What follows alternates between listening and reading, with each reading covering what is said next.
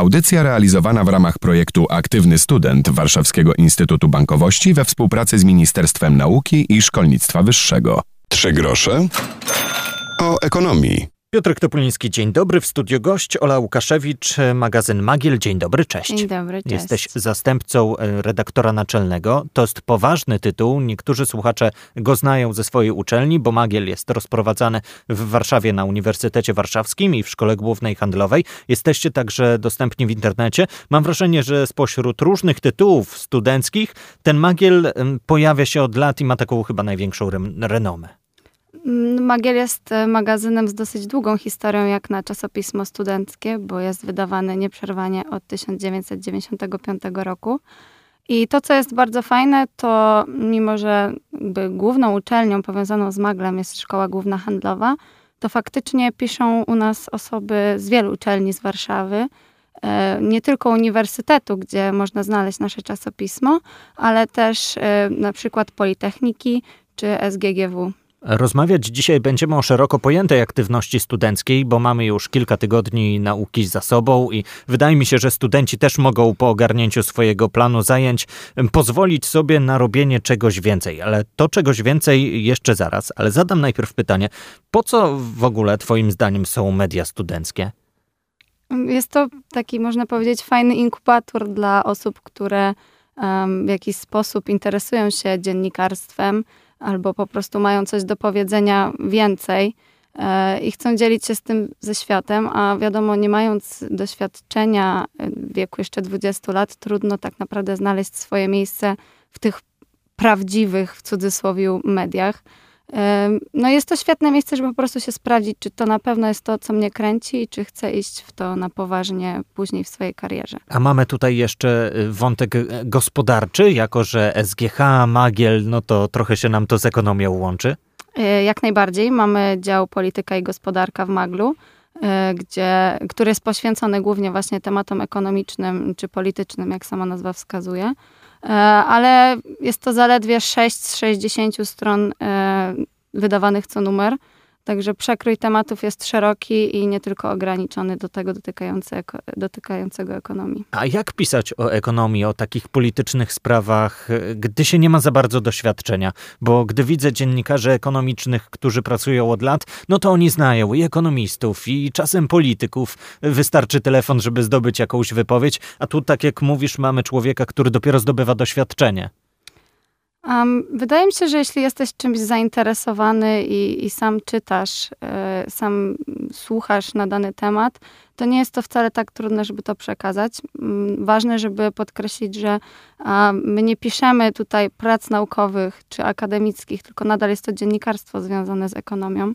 No i to, co jest dla nas atutem, to, że mamy tak naprawdę świetne zaplecze i pomoc dzięki temu, że jesteśmy w Szkole Głównej Handlowej, gdzie mamy dostęp do mm, wielu wspaniałych profesorów czy osób ze świata polityki, e, którzy po prostu łatwiej jest nam zdobyć wypowiedź takiej osoby, czy współpracować w jakikolwiek sposób dzięki temu, że jest to szkoła główna handlowa. Tym bardziej, że pewnie na przestrzeni tego ćwierćwiecza wielu pracowników e, waszej uczelni kiedyś ten magazyn mm, tworzyła. E, zdarzały się takie historie jak najbardziej. Zresztą opiekunem naszej organizacji, bo Magielest to nie tylko gazeta, ale też organizacja, jest e, sam rektor e, profesor Marek Rocki. Za chwilę do naszej rozmowy wrócimy. Dziś rozmawiamy o aktywności studenckiej.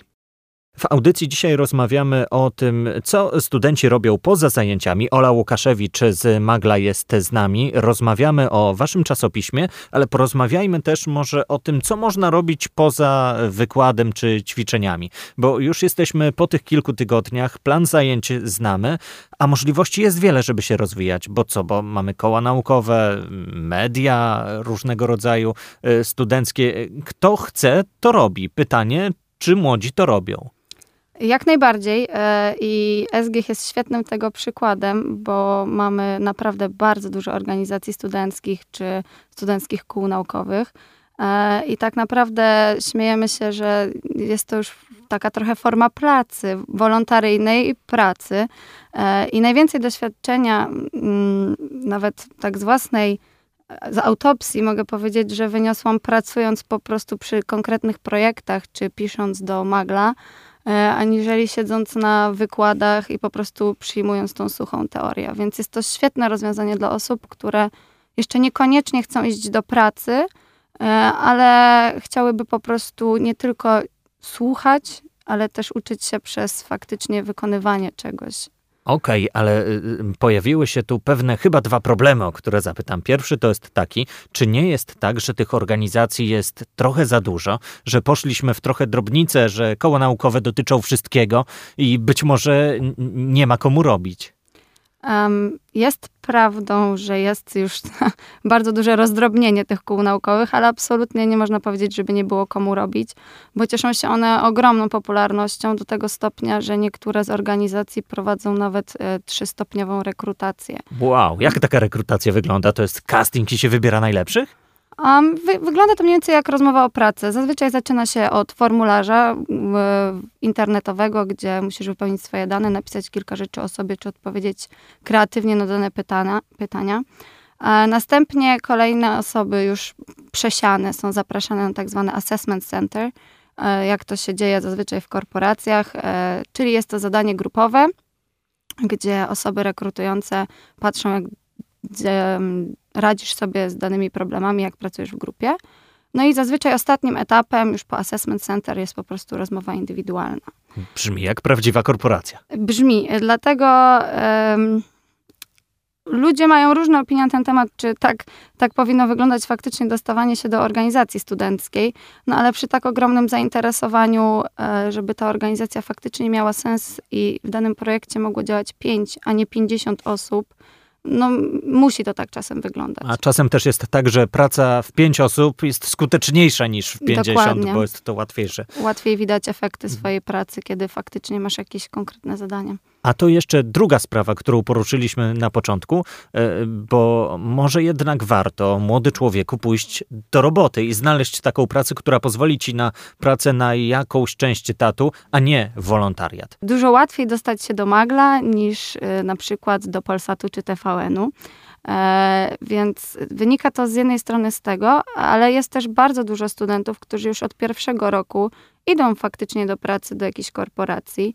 Jest to też jak najbardziej ok, tylko mm, atmosfera jest już troszkę inna, bo jest to dużo poważniejsze i wiąże się z większą liczbą um, wymagań, a w przypadku organizacji studenckich zdecydowanie ma to luźniejszy charakter i myślę, że jest to zaleta w tym wieku. I czasem też łatwiej to dopasować do zajęć. I niektórzy tak. prowadzący, tak. jak już mówiliśmy, łaskawie patrzą na działającego w organizacji studenckiej. Zostańcie z nami, będziemy za chwilę dalej rozmawiali o aktywności studenckiej. Spróbujemy podpowiedzieć, co warto robić podczas roku akademickiego.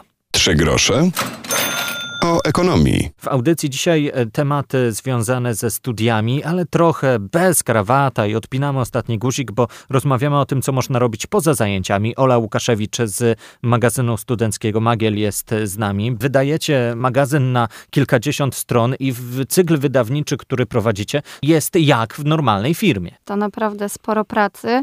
Przykładowo w ubiegły weekend pracowaliśmy nad e, listopadowym numerem I, I, musieliśmy na to poświęcić zarówno w sobotę, jak i niedzielę po 8-10 godzin. A spróbujmy trochę w radiu, ale wytłumaczyć, jak powstaje gazeta, bo ktoś musi wpaść na jakieś tematy, potem je wysłać, a ktoś pewnie poprawić. Stawiam trzy kropki i oddaję głos specjalistce. Gazeta jest podzielona na przeróżne działy, każdy z nich ma swojego szefa i na pierwszym etapie prac nad gazetą szefowie działów indywidualnie szukają osób, czy zgłaszają się do nich osoby z pomysłem na tekst. E, kiedy taki tekst już wspólnie opracują, wysyłają go do jednego z trzech redaktorów naczelnych, którzy sprawdzają mm, te teksty. Każdy z nas ma pod opieką po 20 stron, bo nasz magazyn liczy ich zazwyczaj około 60. E, następnie po naszym zredagowaniu tekstów, tekst idzie do działu korekta. E, są to również studenci, zazwyczaj jednak studenci polonistyki lub absolwenci, czyli osoby, które już powiedzmy mają te kompetencje trochę szersze niż przeciętny zjadacz chleba. I wszędzie widzą, gdzie jest przecinek, a go nie powinno być i odwrotnie, gdzie Dokładnie. powinien być, a gdzie go nie ma. No i kiedy teksty są już gotowe, trzeba tą ścianę tekstu przełożyć faktycznie na strony razem z całą obróbką graficzną. E, tym również zajmują się szefowie działów, składają po te swoje 3-6 stron w odpowiednim programie komputerowym i następnie spotykamy się z redaktorami naczelnymi w weekend. Drukujemy te 60 stron. Każda z nich jest sprawdzana trzykrotnie. Jeszcze raz sczytywana. Tak, czytana słowo w słowo, ale również ze zwracaniem uwagi na te elementy graficzne. No i później jest to już trochę obróbki pod kątem e, przygotowania tekstu do druku, wysłania do drukarni i, i, i gazeta trafia na stojaki mniej więcej po około miesiącu od rozpoczęcia prac nad, e, nad danym tekstem przez autora. Więc jest to dosyć długi proces, mm, ale dzieje się tak ze względu na to, że jesteśmy studentami, którzy faktycznie mają na co dzień obowiązki związane raczej z uczelnią, więc e, każdy z nas jest zajęty powiedzmy od tej 8 do 16 i dopiero po, po godzinach może usiąść mm, nad tekstem. E, dlatego też e, trwa to dłużej niż w przypadku tygodników czy, czy dzienników. Kiedy dziennikarz siedzi od rana do wieczora po prostu w Dokładnie. pracy. No ale satysfakcja jest tym większa, gdy zobaczy się swój tekst wydrukowany i można pokazać znajomym. I nie tylko, bo przecież teksty trafiają do wielu nieznajomych osób, które nie znają się na temacie, które często też nie są studentami, ale znajdą wasz tekst y, nie tylko na papierze, lecz także w internecie. Tak, wszystkie teksty staramy się systematycznie publikować także na naszej stronie internetowej. E, więc Magiel jest dostępny nie tylko w Warszawie. I na wielu waszych uczelniach w różnych miastach Polski znaleźć można różnego rodzaju magazyny studenckie. Na koniec naszej rozmowy zapytam, mm, po co czytać magazyny studenckie? Trochę wracamy do początku naszej rozmowy, ale y, dlaczego student y, przed wykładem ma wziąć tę darmową gazetę i ją otworzyć? Co tam znajdzie? O życiu, o uczelni, o studiach, a może coś o zupełnie innego chodzi? Przekrój tematów jest bardzo szeroki. E, mamy działy kulturalne, muzyka, teatr, książka, sport, e, Warszawa, dział dotyczący stricte tego, co dzieje się w Warszawie, e, polityka i gospodarka, ale też takie jak na przykład uczelnia, gdzie sześć stron jest poświęconych stricte tematom związanym albo z Uniwersytetem Warszawskim, albo ze Szkołą Główną Handlową. Więc każdy znajdzie tam coś dla siebie. Można znaleźć też lokalne smaczki. Ale to, co myślę, że jest bardzo ważne, to to, że czyta się teksty pochodzące od osób w naszym wieku, gdzie ta perspektywa jest dosyć podobna. Więc um, myślę, że dociera to dużo lepiej do czytelników, kiedy na dany temat pisze osoba o podobnych doświadczeniach, podobnym językiem. Oczywiście nie stara, staramy się, żeby to nie było potoczne, staramy się być jak najbardziej profesjonalni, ale jednak nomenklatura dwudziestolatka, yy, nomenklatura naukowa, którą posługuje się dwudziestolatek, a ta, którą zna już profesor akademicki w wieku 70 lat jest zupełnie inna. Ola Łukaszewicz, magazyn Magiel, dziękuję za to spotkanie, no i zachęcamy do lektury. Jak najbardziej zachęcamy. Jesteśmy dostępni w Szkole Głównej Handlowej albo wielu, na wielu wydziałach e, na Uniwersytecie Warszawskim oraz w internecie. Zachęcam też do słuchania podcastu naszej audycji. Kto przegapił fragment, niech wpisze w jakikolwiek program, czy to podcasty Google, czy Spotify, czy iTunes, hasło 3 grosze o ekonomii. My się polecamy za tydzień. Do usłyszenia. Piotr Topuliński.